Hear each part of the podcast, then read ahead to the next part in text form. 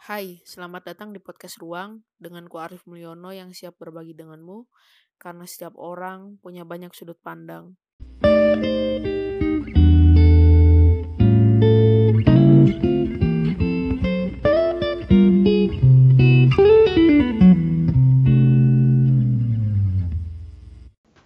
Trying to be honest tuh susah tau. malah di waktu-waktu yang kayak gini tuh enak coy buat kayak gitu Aku kadang lebih suka ngomong bangsat. kadang itu itu kepuasan sendiri tau men. Gue aja. Eh aku juga ngerasain kayak gitu. Ketika entah itu marah entah itu lagi seneng. Nggak tahu kenapa ya lingkungan atau dari diri sendiri emang kayak ngerasa puas ketika ngomong kasar gitu. Apalagi kalau kita yang buat orang asli Jawa Timuran ya imbuhan cuk itu bikin lega gitu loh. Iya. Tapi kan memang bentuknya keakraban, Pak. Beda kalau misalkan marah kayak gitu kan intonasinya aja sih yang beda. terkadang itu eh, be- untuk beberapa orang men intonasi itu apa ya bukan bukan patokan sih kadang ada intonasinya kayak marah orang yang nggak tahu karena belum lama deket akhirnya ngerasa kayak anjir ini ngajakin berantem apa gimana ya sebenarnya gitu sih Sebenarnya, apalagi kalau orang belum kenal kali ya. Iya benar sih meskipun kenalnya udah agak lama kalau emang dia lagi moodnya nggak enak pasti kata cok itu bisa "Ah, ngajakin berantem nih Tapi bukan lagi keakraban gitu Temanku pernah kayak gitu. Tiba-tiba pas balik kan dulu pas di kontrakan ya langsung kaget aku. Dia meso ya ngomong kasar gitu. ya Terus aku noleh ternyata marah beneran. Tak kira bercanda. Oke. nah sering kali itu komunikasi emang yang jadi suatu kesalahan dalam kehidupan. Well. semua kesalahan itu berasal dari komunikasi men. Contohnya kayak apa itu? contohnya? Iya. salah satu contohnya simpel aja men. Eh, nggak tahu ya ini bener apa nggak. Pernah aku baca waktu pas SD itu. Nah penculikan Soekarno di titik-titik mau kemerdekaan oleh eh, apa ini golongan muda. Itu membuat golongan tua marah kenapa Soekarno diculik itu kan karena nggak ada koordinasi bahwasannya Soekarno itu diculik untuk diamankan biar dipersiapkan tanggal 17 Agustus itu aja udah jadi suatu kesalahan dari apa ya kalau itu udah salah kita nggak jadi merdeka men Iya. bener nggak sih Iya. Ini aku takut pak kalau bicara-bicara politik di sini tuh masih belum ranahnya. Oh, Ilmu belum masih ranahnya. sedikit. Oh, iya. Tiba-tiba bicara politik. ya wajar sih meng bicara politik itu ditakutin BTW yang denger pun juga nanti belum kenal kamu itu siapa sebenarnya. oh iya iya iya Iya, gimana udah tadi Iya, udah ngomong komunikasi. udah ngomong panjang lebar tapi nggak belum sampai tinggi ya panjang lebar tinggi Mm-mm, apa itu? Pancelannya banyak. balok men Oh iya, iya, siap, siap, siap. kalau panjang lebar doang kan persegi panjang Eh. waduh berat ini kalau Memang kalau orang itu selalu ingat tinggi sesuai dengan jabatan yang tinggi. Wah, aduh berat ini terbaik. jabatan yang tinggi itu titipan men nggak Iya. tahu dititipin siapa Ya tapi ini perkenalkan dulu Oh, dong. iya, Siapa iya, lagi iya. sibuk apa sekarang? Ah, iya. Nama gue Andri. Nama aku kayak bocah, namanya Andri. Kenapa pakai ibuanku, bukan gue, bukan saya. Saya ter- terlalu kaku, gue terlalu ke barat-baratan. Terlalu ke Jakarta-Jakartaan. Baratnya maksudnya baratnya Jawa, yang aku bukan Jawa. Aku Andri. Wes. Eh, aku Andri, eh, teman dari Arif dari SMA yang dulunya Arif takutin karena aku dulu suka mulai Arif waktu Arif masih masa-masa ospek. Ya, Eh, kesibukanku eh, selama ini eh, jadi bekerja di salah satu tempat makan lah. Ya. Iya, tempat Resto. makan. Iya, iya, bisa dianggap resto, bisa dianggap apa ya, depot atau tergantung sudut pandang men. Iya bener sih, bener-bener. Semua itu kita ngelihatnya dari sudut pandang mana dulu. Hmm. Tergantung dompet juga. Iya, bener. Kadang ada yang nyebut resto karena itu mahal buat dia. Iya. Kadang nyebut itu warung karena harganya yang terlalu murah dengan tempat yang bagus beda-beda. Nah, bener sudut pandang lagi. Iya. podcastku dong Iya. Terbaik saya bicara soal apa tadi bully kayaknya kan isu-isu belakangan ini tentang membuli adik tingkat itu lagi hangat banget dibicarakan masyarakat terutama untuk kamu kan yang sering sekali apa melakukan ospek ke adik tingkat yang bentak-bentak dari pagi. Ya sempat bentak-bentak adik tingkat juga nggak? Eh, sebelumnya maaf nih. Em, kita apa ya kita sadarin kata sering ini berwujud berapa kali. Nah itu yang harus sama-sama kita pahami sebelum kita lanjut lebih jauh. Karena ketika kamu nyebutin ke Kata sering? aku bahwasanya aku ini sering ngospek itu berarti kan kayak dalam satu tahun ospek itu ada dua kali biasanya ospek jurusan ospek universitas bisa ada tambahan ospek fakultas. Dalam hal itu sebenarnya sih aku nggak sering ngospek sih. Cuma eh, untuk di beberapa organisasi emang ngelakuin itu yang namanya melakukan ospek terhadap adik tingkat. Sebenarnya ospek terhadap adik tingkat itu tergantung kita ngelihatnya dari sudut pandang mana sih.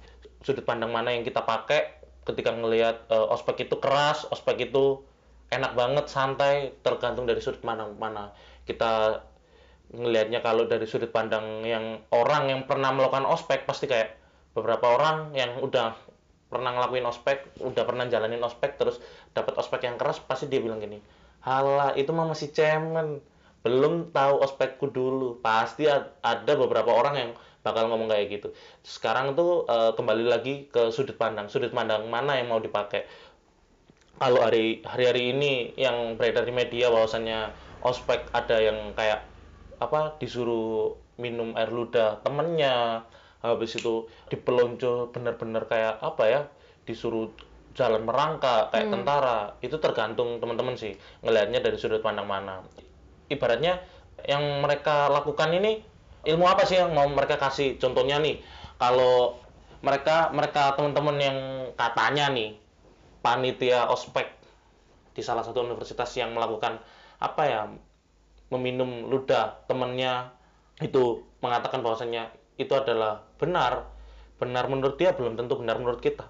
Karena apa? Eh, sering kali mereka itu membenarkan itu karena mereka mengang- menganggap mereka yang ngelakuin itu itu menunjukkan persaudaraan dalam kelompok atau organisasi itu tapi beda lagi dengan orang yang tidak pernah mengenal ospek pasti menganggap itu wah ini perpeloncoan udah nggak nggak layak buat nggak layak buat apa dilanjutin lah ospek-ospek yang semacam ini karena nggak mendidik.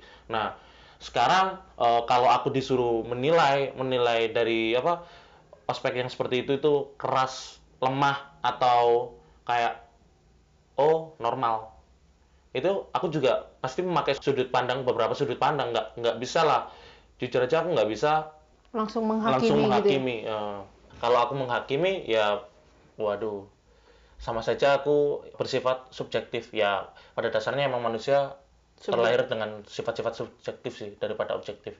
Tapi kalau menurutku secara pribadi ya persoalan ospek-ospek yang kayak gitu emang apa ya eh, budaya awalnya itu dari budaya mereka merasa dulu pernah dilakuin kayak seperti itu akhirnya mereka ingin balas dendam ke adik tingkat mereka. Akhirnya menjadi budaya itu. Nah ketika itu menjadi budaya akhirnya apa ya harus turun menurun Turun-menurun. nah sekarang tongkat estafetnya ada di siapa yang mau mengubah atau mau melanjutkan budaya-budaya yang seperti itu? Tinggal dikembaliin pada mereka-mereka yang kelak akan menjadi panitia ospek. Hari ini sering kali budaya-budaya yang seperti itu itu tetap di apa ya dilurkan tetap dijalankan. Karena apa? Rasa balas dendam itu besar men daripada rasa kayak ingin merubah os, apa ya ingin merubah ospek ini harus menyenangkan. Ospek ini harus menjadi sesuatu yang eh, nggak kelupa nggak nggak akan terlupa oleh mereka. Mereka yang ngerasain ospek. Beda halnya dengan hal kayak gitu. Jadi contohnya ya dulu ada itu di salah satu fakultas. Jadi di salah satu universitas itu ada sekelompok anak. Eh, mereka ini punya pemikiran bahwasannya ospek yang mereka jalanin waktu mereka maba, mahasiswa baru adalah ospek yang menurut mereka, menurut sudut pandang mereka udah nggak mendidik. Nggak mendidik dalam artian apa? Eh, ada beberapa poin yang menurut mereka kayak ini kalau dilakuin nggak ada. Apa ilmu yang tersampaikan, nggak ada. Sesuatu yang yang nantinya ketika mereka pulang teman-teman yang habis di ospek itu keinget sama yang mereka lakuin. Nggak ada. Cuma yang ada ada rasa dendam dendam dan dendam dan ingin membalas. Akan tetapi eh, teman-teman yang sekelompok ini tadi ingin ngerubah pola pikir kayak gitu. Jadi mereka ngerubah gimana caranya ospek itu menyenangkan, tapi tetap menunjukkan bahwasanya budaya di fakultas tersebut ialah budaya yang seperti seniornya lakuin, tapi dalam artian budayanya itu nggak e, memberikan ilmu, memberikan sesuatu yang benar-benar keinget, tapi dalam artian keinget ini keinget dalam hal baik. Jadi seperti itu. Dan di situ beberapa orang ini menurutku ya dari sudut pandangku apa ya mereka ini benar-benar orang-orang yang kalau kata orang bahasa itu revolusioner benar-benar ngerubah banget. Nggak ngerubah satu dua tapi kalau 1 sampai 100 mereka mungkin bisa ngerubah 80 sampai 90 ngerubah dalam artian apa? Ngerubah dalam artian konsep ngerubah dalam artian pola pikir. Pola pikir siapa yang dirubah? Pola pikir panitia pola pikir senior senior ketika melihat mereka beberapa orang ini membuat apa ospek itu berbeda dari tahun-tahun sebelumnya. Dan dari sudut pandangku mereka mereka orang-orang yang aku sebutin tadi ini yang aku maksud tadi ini benar-benar ngerubah. Ngerubah dari artian apa? Dari artian keras menuju artian tegas. Kita harus benar-benar memahami keras sama tegas. Dalam artian membentak menjadi artian memberi. Memberitahu ketika orang membentak nada tinggi memberitahu kan dalam artian nada yang rendah tapi nada yang pas. Pas dalam artian kita itu ambil ambil tengah-tengah dari kalau emang suara kita kencang ya kita turunin. Jadi seperti itu. Terus di ospek itu menurutku benar-benar mereka itu merubah pola pikir apa ya pola pikir adik-adik tingkat mereka yang dulunya adik tingkat itu diospekin sama kakak tingkatnya kayak dikerasin. Tapi ketika adik tingkat ini punya rasa dendam kayak pengen balas tapi dirubah oleh beberapa orang yang menurutku ini revolusioner banget. Mereka mengubah pola pikir bahwasannya kayak ya ospek itu harus menyenangkan ospek itu harus membuat nilai-nilai apa yang mau ditularkan ke adik-adik tingkat mengenai kuliah itu tersampaikan. Jangan sampai hari ini ospek hanya menjadi hal dendam perpeloncoan habis itu hal-hal yang ibaratnya identik dengan hal yang buruk. Sehingga menurutku ya hingga hari ini untuk beberapa fakultas kita sebutin aja ya fakultas apa? Fakultas teknik deh. Itu di semua univ di Indonesia pasti ketika dengar fakultas teknik ospek fakultas teknik mereka pasti mikirannya keras. Habis itu hukuman habis itu bentakan benar pasti sih. pasti mereka kan dengernya kayak gitu. Karena apa? Pola pikir mereka itu udah kebentuk sebelum mereka masuk itu kakak tingkat kakak tingkat mereka itu ngasih tahu. Kakak tingkat yang aku maksud ini kakak tingkat yang nggak jadi panitia. Kakak tingkat mereka itu manas-manasin eh hati-hati. Ntar kalau kamu ospek pasti dibentak. Ntar kalau kamu ospek telat satu menit push upmu 100 kali. Terus di akhirnya ketekan ketekan. Akhirnya jalanin ospek itu dengan pro- proses apa ya? Ada tekanan. Jadi jalanin ospek itu nggak ngerasa happy. Akhirnya apa yang didapetin dari ospek? Nol besar men. Nol besar dalam artian ya mereka kayak di ospek nih misalnya ada materi tentang kepemimpinan dalam kuliah gimana? Ya mereka nggak akan masuk kepemimpinan. Ya masuk kuping kanan keluar kuping kiri karena apa? Ya itu tadi tekanan. Kalau kita jalan sesuatu nggak dari hati banget ya salah banget sih kan. Gitu sih menurutku. Panjang banget ya? Iya benar, panjang pak. iya. Belum lebar itu tadi. Iya. Tapi yang bikin menarik itu gini, berarti kan kalau misalkan ada tangan-tangan yang membalas Iya. kayak tadi, orang yang ngospek Hmm. tiba-tiba eh, adik tingkatnya merasa dendam dan membalas. Iya. Kan otomatis si adik tingkat yang mau ospek ini harus ikut organisasi kan. iya Nah, berarti jatuhnya orang-orang yang di organisasi ini cenderung orang yang akan balas dendam ke setelahnya. Ya kan? Eh, maaf ini sorry sorry tadi aku salah untuk mengiyakan bahwasannya eh, teman-teman yang dari adik tingkat ini ketika harus ngospek harus masuk organisasi. Iya. Eh, sebenarnya enggak sih. Pengalaman dari aku dulu ngospekin ya aku buka volunteer. Volunteer ini dari teman-teman yang enggak organisasi. Mereka teman-teman yang emang pengen ambil bagian dalam ibaratnya pestanya univ lah buat menyambut adik-adik mahasiswa baru. Jadi seperti itu sih. Enggak enggak sepenuhnya ketika kamu masuk organisasi A nih kamu pasti itu jadi panitia. Enggak sebenarnya nggak sepenuhnya kayak gitu. Karena ada beberapa orang pikirannya anak organisasi ngapain sih ngabisin waktu 4 sampai lima hari ngospekin doang. Dapat duit nggak? Pasti mikirannya ada yang kayak gitu. Terus apa sih tujuannya? Kecuali nih ada ya beberapa anak di organisasi kayak anjir maba nih? Cakep-cakep nih kayaknya. Bisa nih masuk panitia aja udah biar dapat maba gitu. Ada pasti. Biar gak jomblo. nah sepertinya seperti itu Berarti yang volunteer-volunteer ini tuh gak diseleksi ya? Mereka pokoknya kalau mau ayo ikut ospek gitu ya? Kurang tahu ya kalau di apa kurang tahu dalam artian di sini kurang tahu kalau di fakultas lain. Kalau di fakultas yang pernah aku dulu masukin tuh ya diseleksi sih diseleksi. Sebenarnya seleksi ini kalau orang menyampaikan bahwasanya seleksi itu hanya bersifat formalitas. Hmm. ya aku bisa bisa mengiyakan pun juga bisa meniadakan. Dalam artian kenapa aku bisa mengiyakan? Karena bahwasanya hari ini ketika teman-teman yang dari volunteer ingin masuk ya kita benar-benar tangan terbuka untuk menerima mereka. Karena bahwasanya kita itu pengen nunjukin loh bahwasanya ya yang isi dari kepanitiaan itu bukan orang-orang yang dari organisasi-organisasi aja. Tapi ya benar-benar ada yang benar-benar dari mereka-mereka mahasiswa yang katanya kuliah pulang, kuliah pulang, kuliah ngegame, kuliah bolos atau kuliah TA ada yang seperti itu tapi ada di sisi lain aku harus meniadakan bahwasanya itu bukan formalitas ya karena faktor kayak emang ada proses seleksinya dan proses seleksinya itu ada standar-standar tertentu buat mereka masuk. Jadi seperti itu sih. Ya kita ngelihat lagi dari sudut pandang-pandang. Emang hidup itu bersifat fata morgana. Kadang yang kita lihat itu kayak bener-bener kelihatan iya banget gitu loh yes banget. Tapi ternyata pas dideketin enggak banget. Yes gitu. Kalau kata orang Jawa nih Urip iku mung sawang sinawang. berarti itu yang pembulian tadi Iya. ya tergantung dari mana kita melihatnya. Sawang sinawang kan? Iya, men. Ya, tapi emang sih ketika aku di fakultas teknik ya yang masalah air minum apa tadi yang air ludah itu ya? Iya, dulu dah. aku juga sempat ngerasain tapi bedanya cuman satu botol dibuat bersama. Itu kan ya seenggaknya ludah-ludah dikit ada lah. Tapi yang lebih parah kemarin yang makan nasi basi itu loh sampai muntah-muntah. Wah parah banget itu kok bisa gitu loh dari pihak kampus membiarkan kalau ospek itu emang pihak kampus turut ya turut tahu prosesnya semuanya gitu Ya, ada ada ada ada di Penang kayak gitu. Tapi kan eh, ada di mana sisi kayak ya pihak kampus atau fakultas ataupun jurusan udah melakukan serah terima terhadap panitia.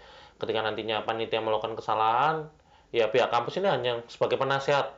Kalau kalau bahasa kerennya itu konsultan lah sebenarnya cuman pengawas mengenai nantinya alurnya seperti apa ya kan dari panitia ke pihak kampus, fakultas ataupun jurusan hanya memberi gambaran umum panitianya. Nggak sedetailnya kayak jam segini makan siang.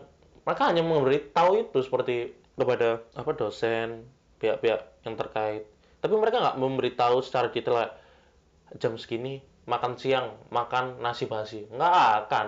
Nggak akan nih bener sih tapi dari aku ospek itu yang kulihat cuman gini kampus itu cuman jadi pembuka dan penutup acara di tengah-tengahnya itu ya selebihnya urusan mahasiswa ya gak Iya pasti kayak gitu sih men. Semuanya kan hanya apa ya bersifat seremonial saja lah. Seremonial dalam artian eh ya wes kampus itu baratnya dia itu sebagai suatu yang besar. Jadi dia itu ya gongnya doang.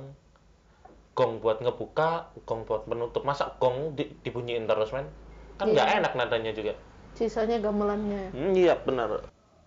kadang bully itu juga bentuknya ada yang nggak kelihatan sih lebih sering di kita tuh bully-bully nyebut fisik itu nah kayak hey but kan sebenarnya nggak kelihatan juga bulinya itu loh, kembali lagi sih men sebenarnya menurut beberapa orang yang kayak menganut konsep bahwasannya ya apa ya itu sexual harassment ya men ya, Kalau itu. ya, makanya kayak beberapa orang yang kayak ngang- meng- menganggap di sisi itu pasti menganggap kayak wah ini boleh nih. Kayaknya itu tuh body shaming ya iya body shaming maaf maaf maaf. Body shaming. Ya body shaming. Nah itu. Ya tergantung kita ngelihatnya dari mana sih. Sebenarnya kalau menurut orang yang kayak ya maaf maaf nih eh, hidup sekarang tuh apa apa dihubungin ke bawa perasaan atau Iya, baper. baper. ya menurut orang yang baper ya pasti ngerasa anjir. Orang ini nggak bisa apa ya nggak bawa bawa fisik gitu cuma menurut orang yang slow santai ya yes bodoh amat lah. Mereka bilang kayak gitu asalkan ente nggak noleh ya wes nggak ngerasa dihina toh. Iya benar sih. Intinya ente nggak ente pas dipanggil nggak noleh ya udah. Biar mereka capek sendiri manggil kayak gitu. Kembali lagi ke ente sih gimana. Kalau menurut aku sih gitu men. Tapi semenjak ada kata yang baperan tuh orang tuh jadi cenderung males minta maaf soalnya kalau misalkan kesalahan dikit gitu ya paling orang mikirnya kayak gini udahlah tiga bulan empat bulan juga udah lupa. Iya sih kalau nggak gitu mereka pasti langsung bilang gini. Kalau pas ketemu langsung atau chatting atau gimana ya itu pasti pas ibaratnya ada yang tersinggung bilang gini alah baper lu alah. Kayak gitu doang dibawa perasaan. Jadinya hari ini baper itu sebenarnya kayak jadiin senjata ketika orang mager atau males buat minta maaf emang gitu sih Tapi aku pernah kayak gitu, Pak. Pas ketika orang lain bilang aku ya menghina lah istilahnya. Terus mereka bilang baper dan orang yang bilang ke aku kalau aku baperan ini, ku hina balik. Ternyata dia marah. Jadi kan orang itu menghina, tapi ketika dihina balik gak punya kesiapan mental buat nerima itu gitu loh. Nah, ya itu men. Apa ya susahnya berada di lingkungan yang kayak apa ya siap nyerang tapi nggak siap bertahan ya kayak gitu. Modal nekat doang.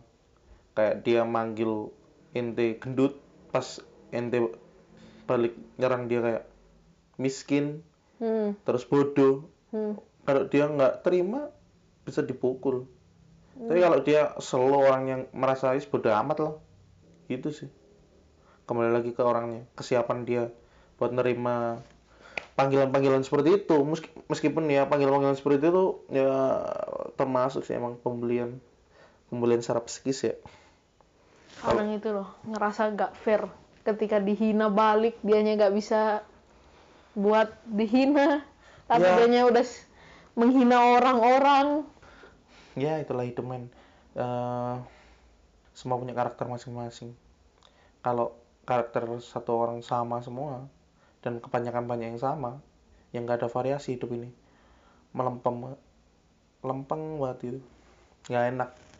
Tapi kalau kamu tuh tipe kalau orang yang kayak gimana Eh, maksudnya kayak gimana gimana nih? ya kamu merasa kayak slow tadi apa kamu ketika melakukan kesalahan kamu bertanggung jawab lah minta maaf atau gimana Eh, gimana ya? Aku tuh paling males kalau ditanyain kayak gini. Kenapa sih paling males tanyain kayak gini?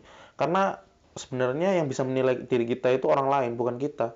Ketika kita ngeliat apa menilai diri kita sendiri itu namanya kalau menurutku ya subjektif tamak, sombong. Karena hal-hal apa yang bakal kita sampaikan?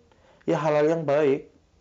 Kecuali nih orang yang kayak ya ada lah pasti kayak orang yang ingin kayak merendah, tapi merendahnya itu untuk meroket biar dia kelihatan tinggi. Ya banyak kayak gitu sehari ini. Tinggal gimana kita ngelihatnya sih. Eh ya aku kembaliin ke kamu, kamu ngelihatnya aku kayak gimana. Tinggal sudut pandang mana yang kamu lihat. Contohnya eh, kamu ngelihat aku marah, ya kalau kamu berteman lama sama aku dari sudut pandang teman yang lama pasti nganggap Andre itu nggak bisa marah, ya banyak bercanda nih doang. Hidupnya isinya bercanda doang, nggak ada serius. iyalah calon stand up komedian ya. Wadaw, isu dari mana, yang Bos? sempet mau pidato di kelas sambil ketawa-ketawa. Banyak punchline-nya. Waduh, berat ini man. iya jelas. Jangan menyebarkan isu-isu yang nggak deh. gini dong udah setengah jam loh gak kerasa Waduh, ya gitu men. Kalau semuanya is mengalir seperti air dari atas ke bawah, yes, nggak akan kerasa men. tapi kadang topiknya nggak tahu Iya. apa-apa gitu masalah podcast kayak gini tuh kembali lagi ke masing-masing pembuat podcastnya sih men kayak kamu pengen jadi orang yang idealis dengan materi yang harus tersusun rapi ya monggo itu pilihanmu kamu menjadi orang yang kayak apa pembuat podcast yang kayak ya udah sih let it flow. Apa aja gue yang omongin iya sih. Tapi aku lebih cenderung itu. Apa aja yang ada aku omongin. Nah itu soalnya kadang orang Bagus, kan? kayak tadi ketika dia udah tahu mau direkam dan publik yang mendengarkan orang itu malah jadi orang lain. Bukan apa adanya. Tahu gak sih? Oh ya paham paham paham. Malah kayak gini tuh malah ya bukan lagi try to be honest tapi emang honest. Emang bener-bener jujur sih kayak ya wis apa aja mau diomongin yang ada di kepala itu omongin keluarin. Sekiranya emang ada yang salah ya emang emang namanya kalau kata pepatah itu lidah tak bertulang. Hmm. lain di mulut lain di hati. Mantap. Lagi dong. Ngomongin ospek nggak ada habisnya men. Iyalah. Itu dari awal kita sekolah aja udah pasti ada yang namanya ospek ada yang dibully-bully. Tapi beneran nih kalau dipikir-pikir buat menghentikan ospek itu gimana ya? Ya itu men. Harus ada yang baper bawa perubahan. Siapa yang mau pegang tongkat estafet itu tapi dia benar-benar orang yang baper baper dalam artian baik nih bawa perubahan perubahan yang seperti apa ya. Perubahan yang benar-benar ngerubah pola pikir orang-orang tentang ospek pola pikir orang-orang tentang kayak mahasiswa. Kalau udah masuk ospek ya wis itu hal paling membosankan dalam hidup mahasiswa Intinya, Tapi emang iya sih, aku ketika pertama kali ospek tuh kayak ngapain sih ada kayak gini? Padahal tarafnya udah dewasa, tapi kenapa masih harus ada ospek? Aku kadang kalau untuk pengenalan kampus kenapa harus dibentak-bentak? Aku kadang mikir kayak gitu. Ya mungkin aku lihatnya dari teknik sih, Iya. karena aku fakultas teknik dan Iya. harus ibaratnya apa ya? Kita itu dididik buat keras, Hmm. tapi buat tegasnya nggak tahu. Yang penting keras, bisa ngomong kenceng, itu udah dianggap kayak tegas. Padahal tegasnya belum tentu ada. ya itu kan emang apa ya ya itu tadi kembali dari sudut pandang mana mereka mengiyakan bahasanya oh itu tegas menurutku tapi menurut kalian itu hanya modal keras doang bukan tegas Tapi ada sih yang pas aku ospek ya, dia kan, eh, jadi aku balik ospek nih, nih ya terus makan. Tiba-tiba pas makan aku ketemu anak teknik juga yang ikut ospek pas zamanku ospek. Mm. Terus dia tiba-tiba kayak sok-sokan gini. Di sini tuh yang punya kuasa itu fakultas teknik dia bilang gitu. Karena apa? Kita ini adalah singa dia bilang gitu. Dan singa itu menguasai semuanya. Jadi seolah-olah ospek ini mendoktrin bahwa kita ini adalah yang berkuasa di kampus pas itu. Padahal kan enggak. Harusnya ospek itu lebih kayak mendidik kan. Iya benar. Cuma gini loh men. Sebenarnya kayak gitu kan tergantung pola kita menerima hal itu. Ketika kita menerima hal itu dalam pemikiran kayak anjir, aku nih didoktrin untuk menguasai kampus nih. Aku didoktrin bahwasannya fakultasku lebih bagus daripada fakultas lain. Kita nerima dari sisi A itu. Tapi ada di sisi lain kayak apa ya? eh, maksudnya dari senior bilang kayak gitu tuh senior pengen kayak nunjukin bahwasannya oh anak teknik nih harus lebih bagus daripada organisasi lain maksudnya organisasi ini fakultas lain gitu loh jadi teman-teman apa maba itu berusaha gimana caranya mereka menikmati ospek. Jadi ketika mereka menikmati ospek kan kelihatan bahwasannya ospek itu berhasil. Ada sisi yang di mana kayak gitu. Jadi tergantung kita nerimanya lagi sih. Ya sudut pandang. Cara menikmati ospek itu gimana? ya kembaliin ke masing-masing sih. Kayak eh, pola pikir apa yang dipakai. Contohnya pola pikir positif terus ketika dihukum positif kayak oh hukuman ini menunjukkan bahwasannya eh, setiap setiap hal yang bagus atau setiap hal yang bersifat prestasi ada apresiasi dan setiap huku- apa setiap pelanggaran ada hukuman. Ya mereka positifnya di situ. Kalau mereka mikirnya kayak gitu ya pasti bakal kayak ya wis seniorku ngasih ospek keras kayak gini tujuannya baik untuk aku mereka mau ngenalin bahwasannya kan hari ini ospek itu artinya kan orientasi studi dan pengenalan kampus toh. Iya. berarti mereka itu or- kalau dari kata orientasi. Orientasi kan lebih ke mengenalkan pola pikir atau semacamnya lah. Jadi kan mereka mau ingin mengenalkan studi. Studi itu maksudnya jurusan mereka. Jurusan mereka itu kayak gini loh. Ketika ntar keluar dari kampus kayak gini. Jadi kalian tuh harus dari awal masuk itu udah harus ditempa kayak gini. Nah itu kan kembali lagi ke teman-teman nih menganggap ospek itu seperti apa. Terus pengenalan kampus ya mengenalkan dunia kampus itu seperti apa.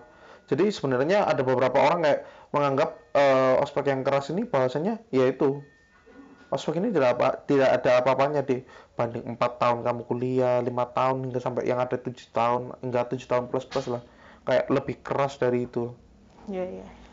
nah momen Kalau gak ada ospek ini ya, ya ospek yang keras, ospek yang tegas, Iya. mungkin aku jadi orang yang nggak tahu sekelilingku. nah Karena aku baru ngeh itu gini, aku baru inget barusan.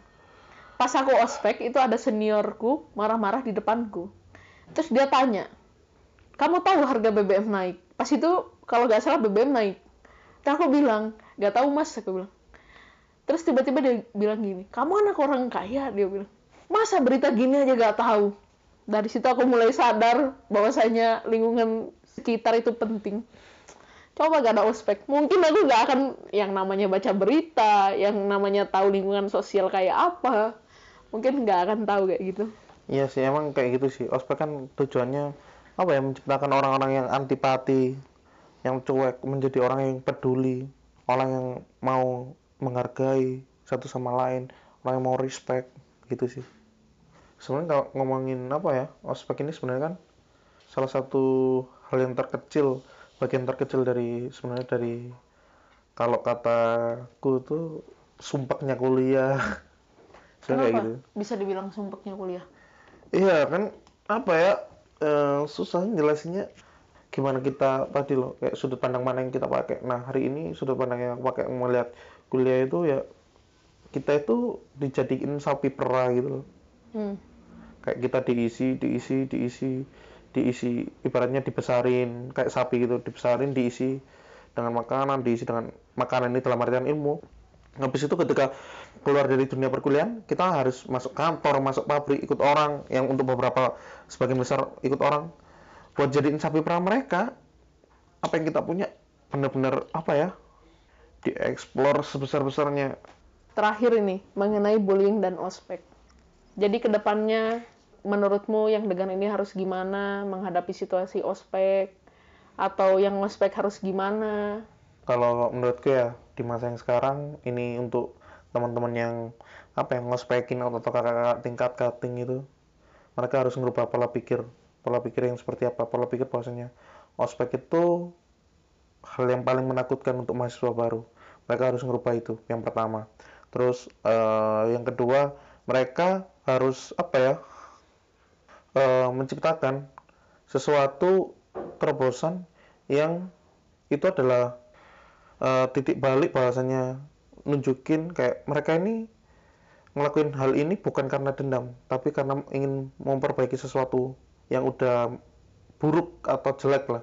Sedangkan untuk apa ya, untuk teman-teman adik-adik yang baru ngerasain ospek atau belum ngerasain ospek pas dengerin ini, ya tetap semangat lah. Ospek itu sebenarnya nggak seburuk dari teman-teman yang lihat atau teman-teman dengar sih. Tergantung dari sudut pandang mana teman-teman dengar, tergantung dari sudut pandang mana teman-teman lihat. Karena intinya dari ospek adalah eh, semuanya diniatkan dengan hal yang baik. Kalaupun ada yang niat hal buruk, itu sudah pasti ada. Tinggal gimana kita melakukan defense pada hal-hal yang buruk dan melakukan accept atau menerima hal-hal yang baik. Dalam artian seperti kayak hukuman-hukuman yang diberikan kakak tingkat, sekiranya hukuman itu hanya bersifat kayak sekedar push eh bukan maksudnya sekedar push atau kita ngeremehin push up ya tapi niatnya kayak gitu tuh mau memberi nilai bahwasannya kamu harus bisa menghargai waktu. Ketika nanti kamu pas kuliah kamu telat terus kamu disuruh keluar sama dosenmu nilaimu langsung jadi D itu kan udah menjadi suatu kesalahan dalam satu dalam satu semester kan. Nah sebenarnya niat kakak kakak tingkatmu itu bagus. Tinggal gimana sekarang kamu mau menerimanya dengan baik tinggal sekarang gimana kamu mau apa ya jalanin ospek itu dengan sesuatu yang apa ya menyenangkan tanpa tekanan. Dan jangan pernah eh, kalau menurutku jangan pernah apa ya telan mentah-mentah apa yang kamu dengar apa yang kamu lihat. Karena eh, semua tergantung dari sudut pandang mana dan kamu udah ngelewatin apa belum. Ketika kamu belum ngelewatin dan kamu udah apa ya kalau kata orang Jawa sambat A B C D ya itu salah. Karena kamu belum pernah ngerasain jangan bilang kayak sesuatu itu nggak harus dirasain tapi kita udah tahu. Misalnya api. Api itu panas tanpa kita harus megang api. Hmm. Ha. jadi jangan pola pikir kayak gitu jangan apa ya jangan diterusin. Kar- karena eh, bahwasannya hari ini itu sebenarnya ospek itu untuk kebaikan teman-teman ospek itu niatnya hanya untuk perubahan perubahan perubahan perubahan dalam artian ke arah yang lebih baik tapi ketika nantinya apa kakak tingkat kalian eh, memberi ospek itu dalam artian apa ya hal yang buruk eh, cukup kalian maafkan dan ketika nanti kalian menjadi kakak tingkat berikan perubahan yang lebih baik karena budaya buruk harus dihentikan budaya baik harus dilanjutkan seperti itu Terbaik emang. Terus aku tadi baru kepikiran satu hal loh. apa men Tentang animo masyarakat. Mengetahui bahwa keburukan ospek ini loh. Karena kan udah tersebar di mana-mana berita Iya. ospek yang sampai yang terakhir kemarin muntah makan nasi basi. Pasti kan masyarakat udah berpikir macam-macam. Menanggulangi animo masyarakat itu gimana akhirnya? menanggulangi apa ya ketika sesuatu udah maksudnya udah dilempar udah dikeluarin di media ya wes kita itu sebenarnya itu menjadi konsumsi publik Eh, ketika kita jelasin A belum tentu publik itu mau menerima A ya mereka punya sudut pandang sendiri. Kayak gitu tuh tergantung dari kembali ke tiap individu masing-masing sih kayak ngelihatnya dari mana. Karena hari ini kita nggak bisa ibaratnya melakukan eh, apa ya kayak di publik ini harus satu suara bahwasanya ospek itu yang dilakukan pembulian selama ini tuh adalah ospek terburuk. Nggak bisa kita kayak ngebukul rata semuanya kayak gitu. Karena pasti ada suara-suara yang kayak punya apa ya beda lah beda pemikiran kayak oh ini ini. Jadi kita yang kayak udah tahu kayak itunya udah di share di media ya mau nggak mau kita harus nerima bahwasanya ketika kita dihina ya wes. Dan kita yang melakukan ospek itu dengan keras itu ya wes ketika kita dihina sama orang-orang sekitar kita karena ibaratnya ospek kita keras, ya mau nggak mau kita terima. Karena apa pun yang udah keluar di media, apa pun yang udah menjadi konsumsi publik, ya mau nggak mau kita harus nerima karena kita nggak bisa neken hal-hal yang seperti kayak gitu. Iya sih bener, mau bener atau enggaknya ospek itu ada aja pasti celahnya buat diomongin. Nah bener. Bener juga sih. Tadi barusan aku juga kepikiran ya, karena berita-berita yang kayak ospek, bullying dan lain-lain. Alhasil orang-orang itu jadi mengotak-ngotakan kayak misalkan ospek jelek ini pasti dari kampus swasta. Pasti akan selalu kayak gitu nantinya. Sebenarnya nggak bisa emang kayak kita ngepukul rata kayak wah dari swasta pasti yang dia ospek keras. Padahal pada dasarnya ya tergantung lagi kembali ke kayak uh, sudut pandang mana, standar mana yang kamu pakai ketika melihat ospek yang keras. Uh, dan sekarang ya tinggal kembali ke media. Media itu mau nggak bersifat netral? Bersifat netral ya dalam artian kayak ya kalau emang negeri ada nunjukin bahwasanya mereka melakukan aspek keras ya sampaikan. Hmm, kita harus menunjukkan berita yang berimbang lah. Jadi jangan dilihat dari sudut pandang jeleknya doang tapi juga harus melihat dari sudut pandang baiknya. Karena hari ini orang ketika ngelihat TV ngelihat dengerin radio ngelihat YouTube yang mereka dengar ya itu. Tanpa mereka sering kali itu tanpa mereka melakukan compare terhadap kayak apa berita lain atau media yang lain. Jadi mereka terfokus pada satu dan melupakan yang lain. Hmm. Jadi kayak berita udah pertama kali mereka tangkap ya udah itu berarti iya, kepercayaannya kepercayaan mereka hmm. saya kembali ke situ sih Oke okay, oke, okay. thank you so much Andri. Iya. Yeah. Sangat bermanfaat sekali. 44 menit yang berfaedah, Wah, berfaedah kayaknya berfaedahnya cuma satu atau dua menit pengenalan aku setelahnya bacot nggak jelas sih iya emang kayak harus kayak gitu Terima kasih karena telah mendengarkan podcast ini. Saya Arif Mulyono. See you next episode.